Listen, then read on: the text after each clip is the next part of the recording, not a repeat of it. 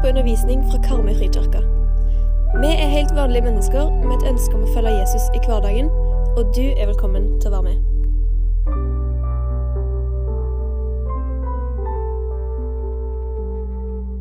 Og så har jeg bare lyst til å si at jeg syns det er en kul trend i, i, i kirka vår. Og det er at ungdommen de setter seg først. Har dere sett det? Det er så digg. De vet hva de skal ha. Og så sitter, blir mer defensiv jo eldre du blir bakover. Det gjelder ikke alle, da. Ikke sant? Men eh, så kult, altså. Knallbra. Gud vil relasjon. Det er det som eh, jeg har satt som sånn arbeidstittel på, på, talen i dag. Og eh,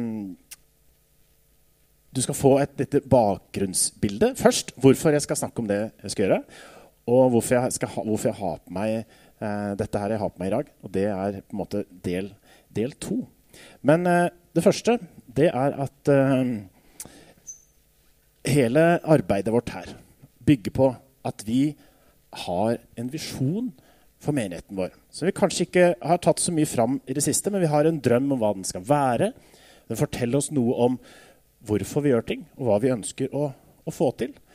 Og den lyder som så at Karmøy frikirke vil være et inkluderende fellesskap som følger Jesus i hverdagen. Så tror vi at ut ifra det så kommer alt det gode. Ut ifra det så gjør Gud sin gjerning midt iblant oss med frukt, og at det faktisk kommer nye troende til. Det er det vi bygger på. Vi må ha en retning, og den har vi valgt. Og så kanskje syns du at du ser litt lite. Ser du litt lite til disse tingene? Det kan bety at du ikke ser godt nok etter. Men det kan også være at det er helt normalt. Det er i hvert fall ikke sånn at det er feil med noen eller med noe. Men det kan også bety at hvis vi ikke vil helt gjenkjennes i den visjonen, som du ser, så betyr det at vi er mennesker som er på vei. Vi går liksom et stykke igjen å gå. Så uansett hva vi snakker om, om det er sånn eller sånn, vi har fokus på det eller det, så er det dette her som ligger bak. Det er dette som vi ønsker å være. Det ønsker vi å oppnå. Og det å følge Jesus i hverdagen, hva i all verden betyr nå det? Ja, Det ønsker vi å finne ut av sammen. ikke sant? Noen ganger så brukes det å følge Jesus som det samme som å tro på Jesus. Og det betyr at troen bare sitter i hodet. Og det tror jeg er en stor misforståelse, for det er ikke sånn som Jesus snakket om når han snakket om at vi skulle følge ham. Når han sa 'følg meg', så betyr det ikke det bare at det, da skal vi tro på ham. Det betyr det òg. Det betyr ikke bare det. Så i Eldsterådet så har vi altså snakket sammen, og vi har lært av andre, og så har vi blitt enige om en definisjon på hva det betyr å følge Jesus. Og eh, Om du klarer å lese det, så kan du se det. Eh, du har også gjerne sett disse plakatene henge rundt omkring i huset. For det å følge Jesus det tenker vi betyr tre ting. For det første så betyr det å være sammen med han. Å være sammen med Jesus. Det er vi jo når vi søker ham, når vi ber, når vi leser i Bibelen, når vi oppsøker gudstjenester eller smågrupper eller andre møtepunkt sammen med andre kristne. Da er vi sammen med han. Og så har han gitt oss noen sånne eh, øvingsoppgaver underveis. Der vi kan øve oss i å være sammen med han. For det trenger vi nok. Øve oss å være stille sammen med han. I dag så begynte jeg dagen med å sette meg opp på det øverste rommet vårt og så bare kikke ut vinduet helt stille i fem minutter. Jeg ba ikke, jeg leste ikke, jeg sa ikke noe. Det var bare det jeg gjorde. Fordi jeg trenger å øve meg å være helt stille. Eh, så kan det være å øve oss i å faste, øve oss i å be regelmessig, øve oss i å studere Guds ord, øve oss på å hvile. Så tror vi det at å følge Jesus, det er også å bli som Jesus. Og nå må vi koble rett, for det handler jo ikke om at uh, vi kan gjøre det. Vi kan ikke bestemme oss for å bli som Jesus. Men når vi blir kjent med ham, når vi er mye sammen med Jesus, så begynner vi å ligne på han litt etter litt ved at Den hellige ånd får lov å slippe til i livet vårt og gjøre sitt verk i oss. Sånn at vi kan være inkluderende og elske andre mennesker. Ikke bare andre, Men Jesus han elsker faktisk alle mennesker. Og jeg tror ingen av oss kan si at vi er der, men vi er på den veien. Den veien vi ønsker å gå. Og så arbeider Den hellige ånd sakte, men sikkert i oss. Vi kan ikke oppnå dette her bare ved å anstrenge oss, men det skjer når vi er sammen med ham. Og så er det for det tredje å følge Jesus. Det er å gjøre det som han ville gjort hvis han var deg eller meg i 2023. Hva ville han gjort? Nå er det jo sånn at troen frelser oss. Det vet vi. Gjerningene gjør ingen forskjell i forhold til frelsen, i forhold til evigheten. Det er troen alene som frelser oss. Men Jesus han kaller oss ikke bare til å tro. Han sier 'følg meg'. Og når vi blir kjent med ham, når vi er mye sammen med ham, så er det mer naturlig å gjøre det som han ville ha gjort hvis han hadde vært deg eller meg i dag. Og så tror jeg det handler om at han ønsker at vi skal fjerne det skillet mellom kristenliv, arbeidsliv, familieliv, privatliv. Jesus hadde ingen sånne grenser. Jo, han gikk av og til for seg selv, men det var ikke fordi det var privatliv, det var fordi han trengte tid med far. Så han vil at vi skal viske ut disse grensene. Og så tror jeg han ville ha inkludert alle slags mennesker. Uavhengig av bakgrunn, uavhengig av hva de har oppnådd i livet, og hvordan livet deres er, så tror jeg han ville ha inkludert og elska de. Eh, jeg tror at han vil at vi skal be for syke. Be for mennesker som opplever all slags utfordringer og lidelse i denne verden, som er så full og ødelagt av synd. Men likevel så kalles vi til det. Og så er det opp til Gud å virke i det vi gjør. ikke sant? Vi kan ikke bestemme at noen skal bli friske. Vi kan ikke bestemme at noen ikke skal ha det vondt lenger. Men vi kan be Far, og han vil gripe inn i sin tid og på sin måte. Og det kan ikke vi styre. Men vi kan ha tro til han, vi kan stole på han, sånn som Marie så tydelig hadde til faren sin her i stad. Så lar vi Gud gjøre sitt verk. Og Jesus han er jo ganske tydelig. Han sier i Lukas 9 så sier han om noen vil følge etter meg, må han fornekte seg selv og hver dag ta sitt kors opp og følge meg. For den som vil berge sitt liv, skal miste det. Men den som mister sitt liv for min skyld, skal berge det. Hva gagner et menneske om det vinner hele verden, men mister seg selv og går til grunne? Hva er det egentlig vi holder på med til hverdagen? Prøver vi å vinne verden?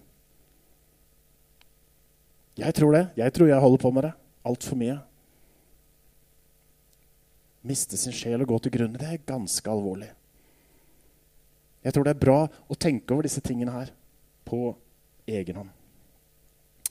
Så er det sånn at ut ifra dette her, å følge Jesus, ut ifra denne undersøkelsen som vi gjorde i menigheten vår rett før jul, og ut ifra statistikken vår som vi på en måte har hele veien, så har vi i eh, Eldsterådet bestemt oss for to fokusområder som du kommer til å møte på mye framover. Og det ene har du sikkert skjønt allerede, fordi at eh, det har vært en del fokus på det i dag. Nå slutta den å virke helt. Kan ta en piltast tilbake der bak. Tusen takk. der, ja. Um, og det ene er jo da fokus på alderen 0 til 12. Og nå er det noen her som må høre veldig godt etter. For det er ikke bare de 0-12-barna som er her akkurat nå. Det er de 0-12-barna som ikke er her. Det er foreldrene deres og søsknene deres. Eh, og en som heter George Barna, en veldig anerkjent forsker på hva det betyr å være kristen i dag, han sier dette her, og det er ganske sterkt. Jeg er overbevist om at den åndelige krigen som forekommer i individuelle liv, stort sett er vunnet eller tapt i en alder av 13. Og det betyr jo ikke at eh, vi som har barn som er eldre enn 13, vi må bare gi opp, og nå slaget er tapt. Det er jo ikke sånn det er. Men sjansen for å nå igjennom med evangeliet er størst før barna fyller 13. Det viser forskningen oss. Og her må hele menigheten se ansvaret vårt. Vi er kalt til å dele evangeliet med hele skapningen. ikke sant? Vi kan ikke overlate ansvar til foreldrene. Vi kan ikke overlate alt ansvaret til de ivrige søndagsskolelærerne. Vi må gjøre det sammen. Og Som en del av satsingen her så er det, bruker menigheten litt penger på å sende fire av oss av gårde på et læringsnettverk i regi av eh, Frikirkens barn og unge som heter Neste generasjon. Og Der lærer vi om denne aldersgruppa, om hvordan vi kan nå de i dag, og hvordan vi kan være til stede for de i dag. Og Det er ikke for at vi skal bli inspirert, men det er for å skape en bevegelse i hele menighetsfellesskapet. Og så viser statistikken vår at det som vi opplever i hverdagen, det stemmer. Og at dette stemmer. Vi, det er tre år siden snart vi hadde forrige dåp her. Og hvis du ser på søndagsskolen, jo yngre gruppene er, jo færre barn er det. Så det er en utvikling og et bilde som er der.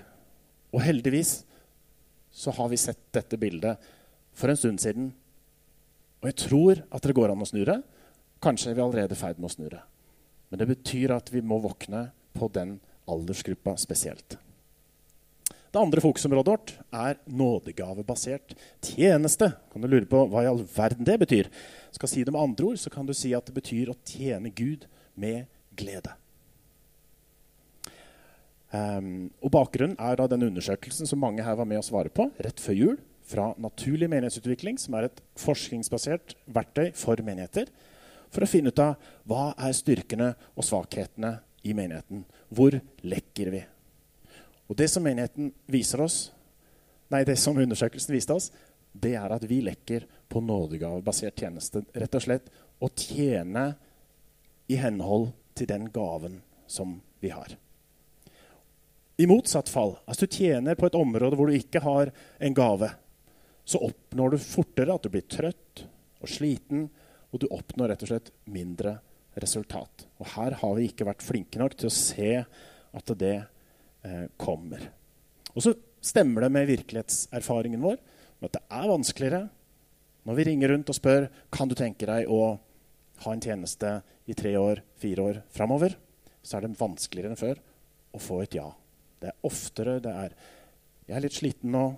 Jeg orker ikke. Jeg vet ikke om jeg er så inspirert eller gira på det nå.' Og dette er ingen anklage i å dele dette, for dette er virkeligheten. Jeg tenker det er ok at vi kjenner det. For det går an å snu det. For vi er ikke flinke nok i dag til å spørre hvor er gaven din? Vil du være med og øve deg i å bruke gaven din i Guds rike? Det må vi bli flinkere på.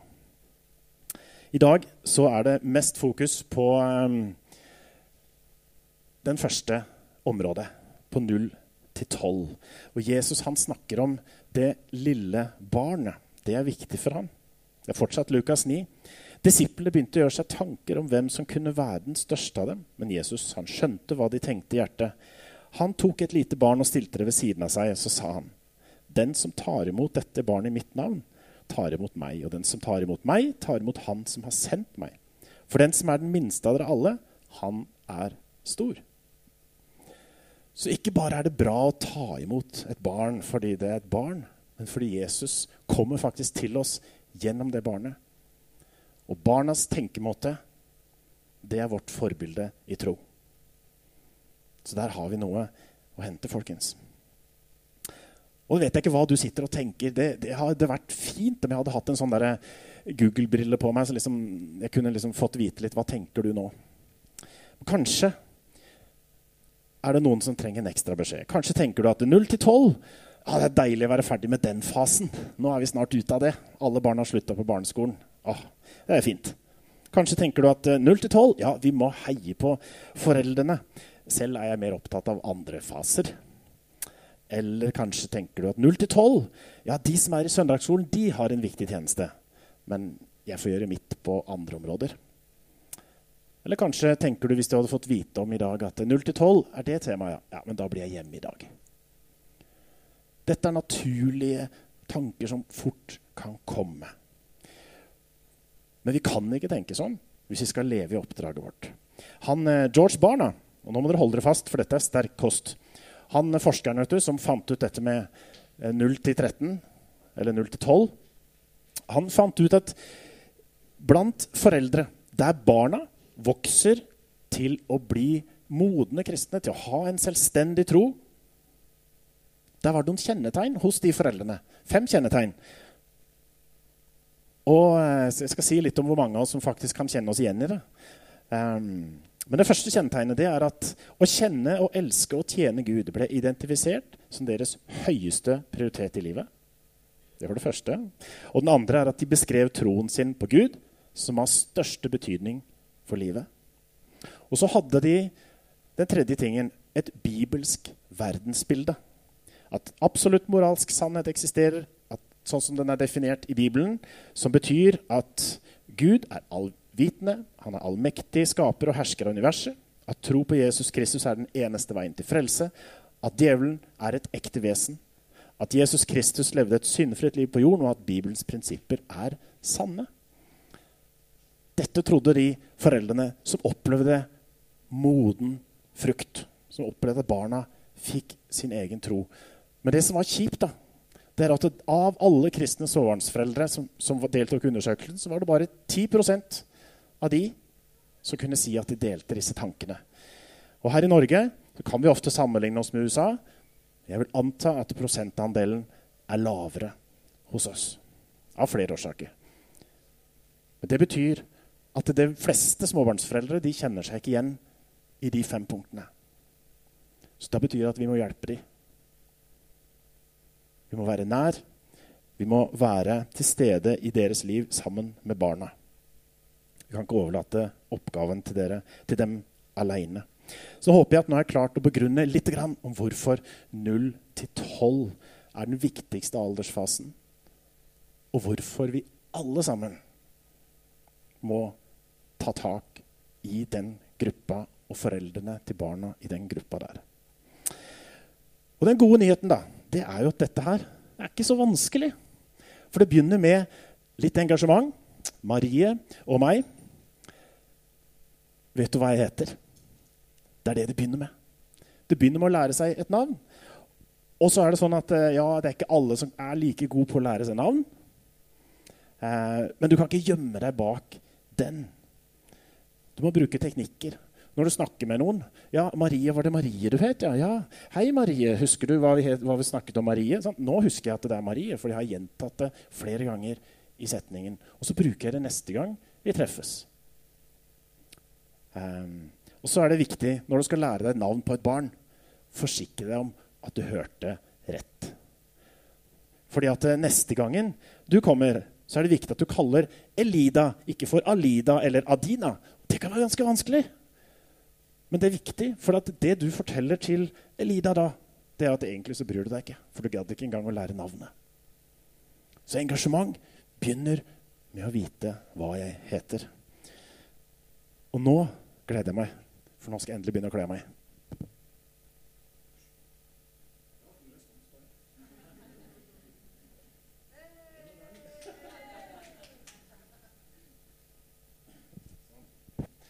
Så har en hjelper her som skal bidra til det visuelle her. Her står det altså, For de som da eventuelt hører på en podkast, så står det da Vet du hva som er viktig for meg?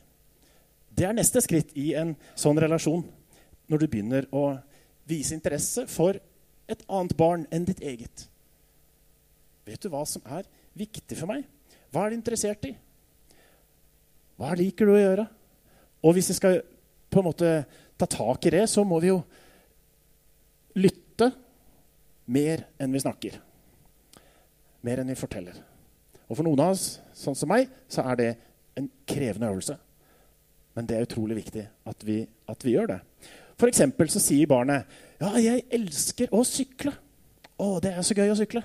Og så er min respons da, er at eh, jeg begynner å fortelle om en lang sykkeltur jeg hadde da jeg var 14 år, og så, og så har barnet allerede løpt sin vei. ikke sant? Kjempedårlig idé. Ikke fortell noen ting om deg sjøl før du blir spurt om det. Svar heller med 'Å ja, hva slags sykkel har du? Hvor liker du å sykle?' da? Er det noen du sykler sammen med? Hva liker du å gjøre når du sykler? Svar med spørsmål. Ikke fortell om deg sjøl. Det er så uinteressant enda. Og så er faktisk det når du husker at det barnet liker å sykle, så har du en måte du kan da har du en samtalestarter neste gang dere treffes. Hvor var du på sykkeltur forrige gang? Ikke sant?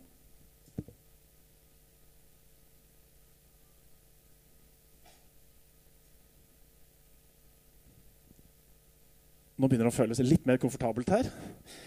Eh, det er bare fire igjen. og på T-skjorta står det nå 'Vet du hvor jeg bor?' Og, og, det kan jo tenke at det betyr at eh, ja, her er en adresse. ikke sant? Og en adresse kan jo fortelle en historie. Jeg bor i Kvalavåg. Ja, ok, ja, der kjenner jeg noen. Og sikkert Montessori-skolen. Og... Men så er det litt flere ting som ligger der. fordi det handler om hva er bakgrunnen til dette barnet her? Hva slags historie har dette barnet? Eh, det bor der, ja. Du er i den familien, ja. Og da vet du kanskje at i den familien, ja, der har det kanskje skjedd noe. Den familien er prega av noe. Og så vet du allerede en del mer ting om det barnet. For det som egentlig ligger bak, det er Kjenner du rammene for livet mitt? Vet du at jeg kanskje har litt andre forutsetninger enn det andre har? Og på det nivået her så begynner det å bygges en relasjon. Da er du en sånn person som det, det barnet sier hei til. Hei neste gang dere treffes. For du har vist deg som en som er interessert. Um, og igjen ikke fortell historien din før du blir spurt. Når barnet forteller om noe som har vært vanskelig i sitt liv, eller er vanskelig, så ikke svar med det. Et eksempel da Sondre, vår eldste, krasja på sykkel for noen år siden. En særdeles alvorlig ulykke. Vet du hva som skjedde da jeg fortalte om det til andre? Andre spurte hvordan går det liksom, og så fortalte jeg om det. Vet du hva responsen var? Jo, nå skal du høre det. Jeg kjenner også en som krasjer på sykkel, og jeg har en nevø som krasjer på sykkel. Og i fjor, for tre år siden, eller sånn, så var det en annen som krasja. Det er så skivebom når du skal bygge en relasjon. Og jeg har gått i den fella så mange ganger sjøl. Men det er relasjonelt veldig dårlig business. Ikke fortell om dine egne, for nå er jeg der for å lytte til det barnet, til den personen. Og nå skjønner dere sikkert at dette her er ikke bare 0 til 12, dette er 0 til 100.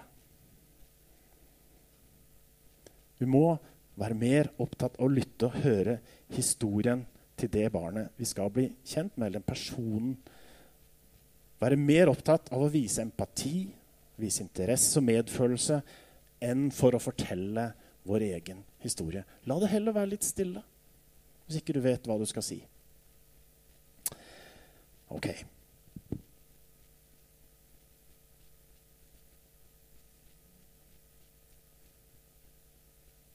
Vet du hva jeg har gjort? Og Når vi kommer til det nivået i en relasjon, så er det ekte og ærlig liv. Det er da kanskje betroelsene kommer. For tilliten vokser, så kommer også betroelsene eller bekjennelsene.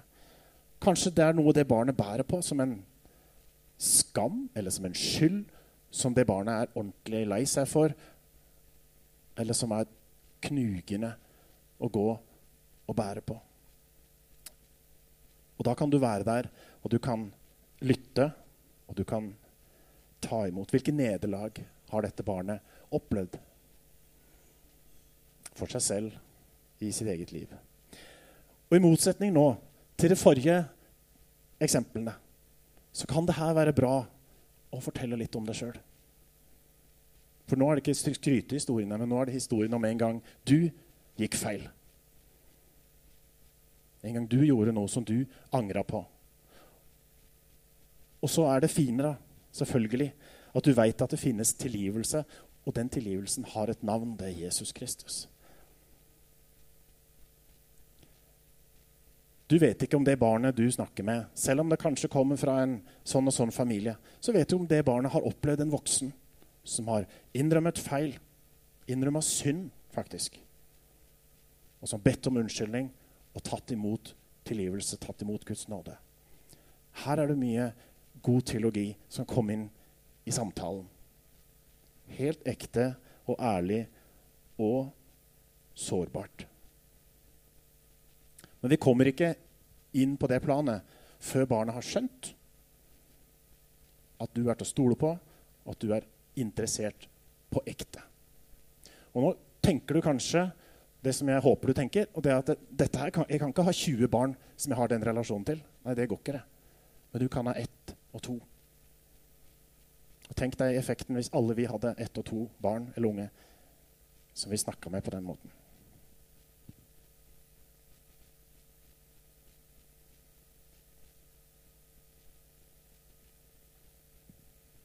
Det neste er litt mer lystbetont. Vet du hva jeg kan? Fordi her handler det om å se litt framover. Eh, samtidig så kommer vi dypere inn i relasjonen for hver T-skjorte. Noe av det som er kjekt, det er jo å hjelpe barnet til å utforske potensialet sitt. Hva er det du kan? Hva, hvilke gaver er det du har? Vi kan vise barna at 'jeg har tro på deg'. At eh, det du har, ja, det er jammen viktig. Det er jammen bra. Tenk at du kan det. Tenk at du kan det. Og for at det skal være ekte, folkens, så må vi kjenne barnet. For ellers er det ikke ekte. Og det gjennomskuer de med en gang. Og du er så flink til, kan vi si. Og så vet de inni seg at nei, jeg er ikke flink til det. Det er ikke sant, det. Det er eh, sånn at ikke alle barn kan bli Braut Haaland eller Beyoncé. Og takk og lov. Men det er en historie som pågår fra voksne til barn og mellom barn, som sier du kan bli akkurat det du vil. Det er en stor løgn. Det er ikke sant. Det er ikke sant at alle barn og unge kan bli det de vil. Det vi kan hjelpe dem med, det er å se mulighetene. Og de har masse store muligheter. Vi må hjelpe dem å se de mulighetene, sånn at det er en viss edruelighet i det. Så at de ikke bare har et mål som bare blir en knust drøm, og så havner de på feil sted i livet likevel. Vi trenger å gi dem en retning der de kan utvikle seg og samtidig bevare en drøm. Og drømmer trenger ikke være realistiske, men de trenger kanskje litt korrigering. Men mest så handler denne her trøya her om å vise interesse for hva barnet mestrer, bekrefte dem og vise at du vil at de skal lykkes.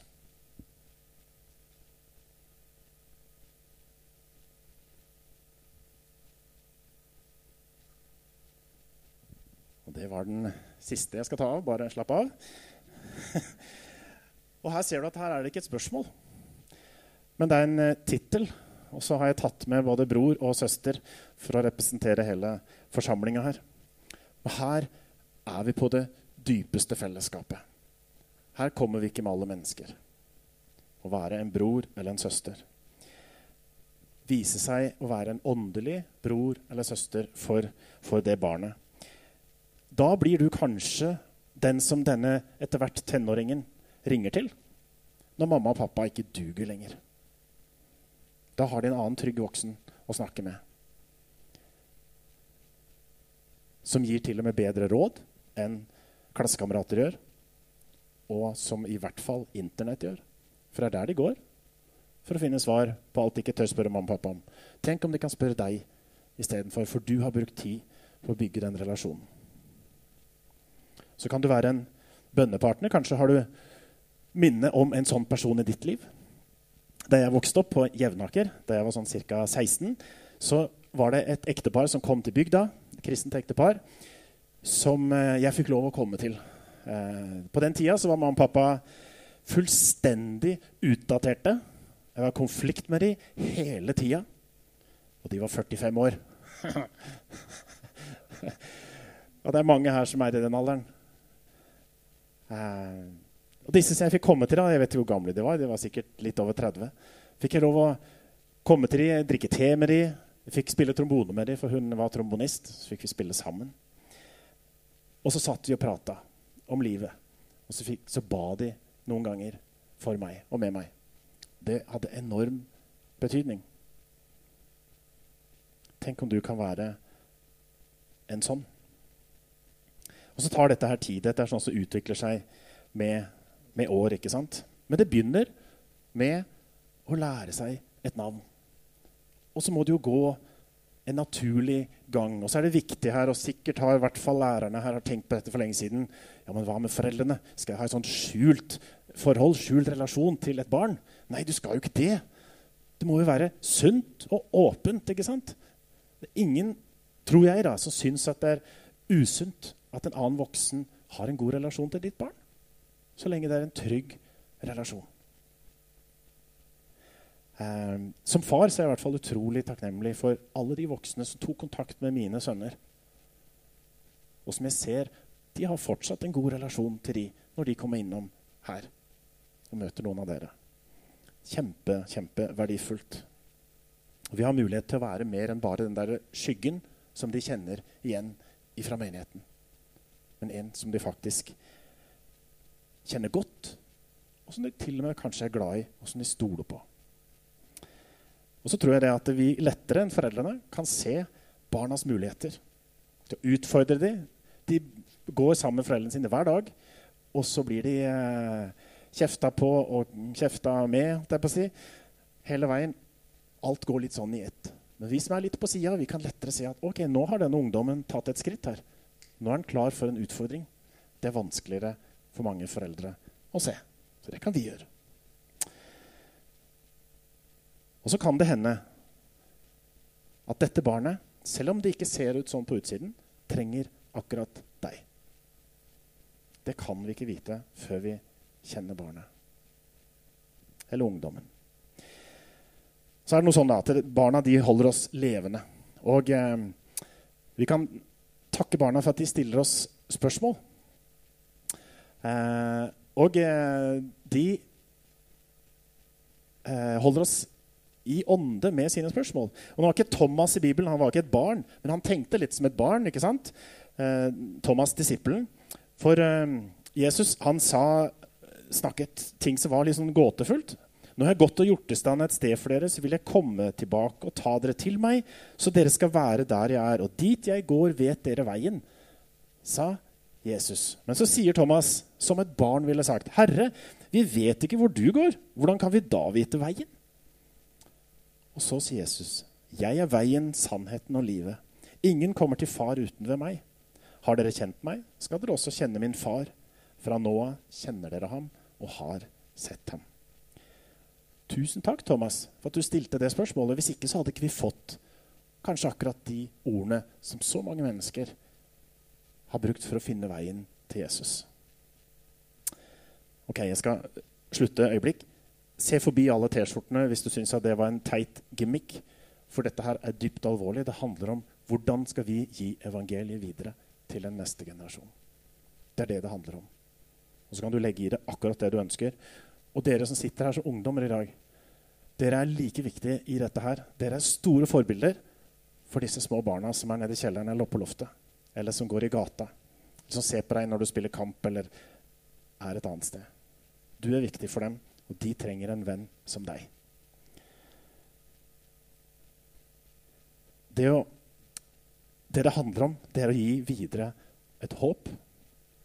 Et håp om en identitet som ikke bygger på prestasjon eller utseende, men på at vi er elska. Det er å gi videre et håp om forsoning i en verden som er uforsonlig og i konflikt. Det er å gi videre håpet om tilgivelse og nåde, særlig når din egen skyld virker overveldende på deg. Det handler om å gi videre håpet om et evig liv der døden ikke finnes mer. Det er det som vi skal gi videre, folkens. Og før vi synger Vi skal straks synge. Eh, og etter vi har eh, sunget, så mm, er det åpent for at du kan komme opp hit og så dele ditt vitnesbyrd. Hvis du ønsker det. Hvis det er noe du opplever at Gud minner deg om, så gjør gjerne det. Eh, men før vi synger, så vil jeg at vi skal være bare stille lite grann. Eh, kan ta neste bilde til slutt. Bare være stille og spørre Gud hva var det du ville med dette, Gud? Alle disse T-skjortene og, alle disse ordene. Hva var det du ville nå? Bare være til stede sammen med han og lytte. Det kan være stille lite grann, og så går vi inn i sang.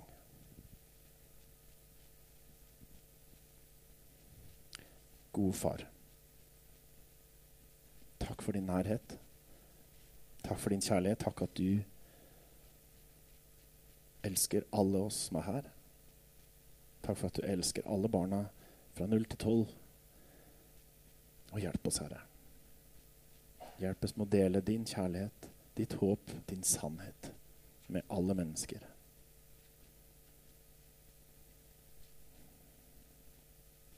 Din ville skje, far. Amen.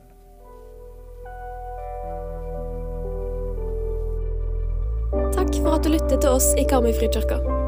Velkommen tilbake, og velkommen innom til gudstjeneste eller på websida vår.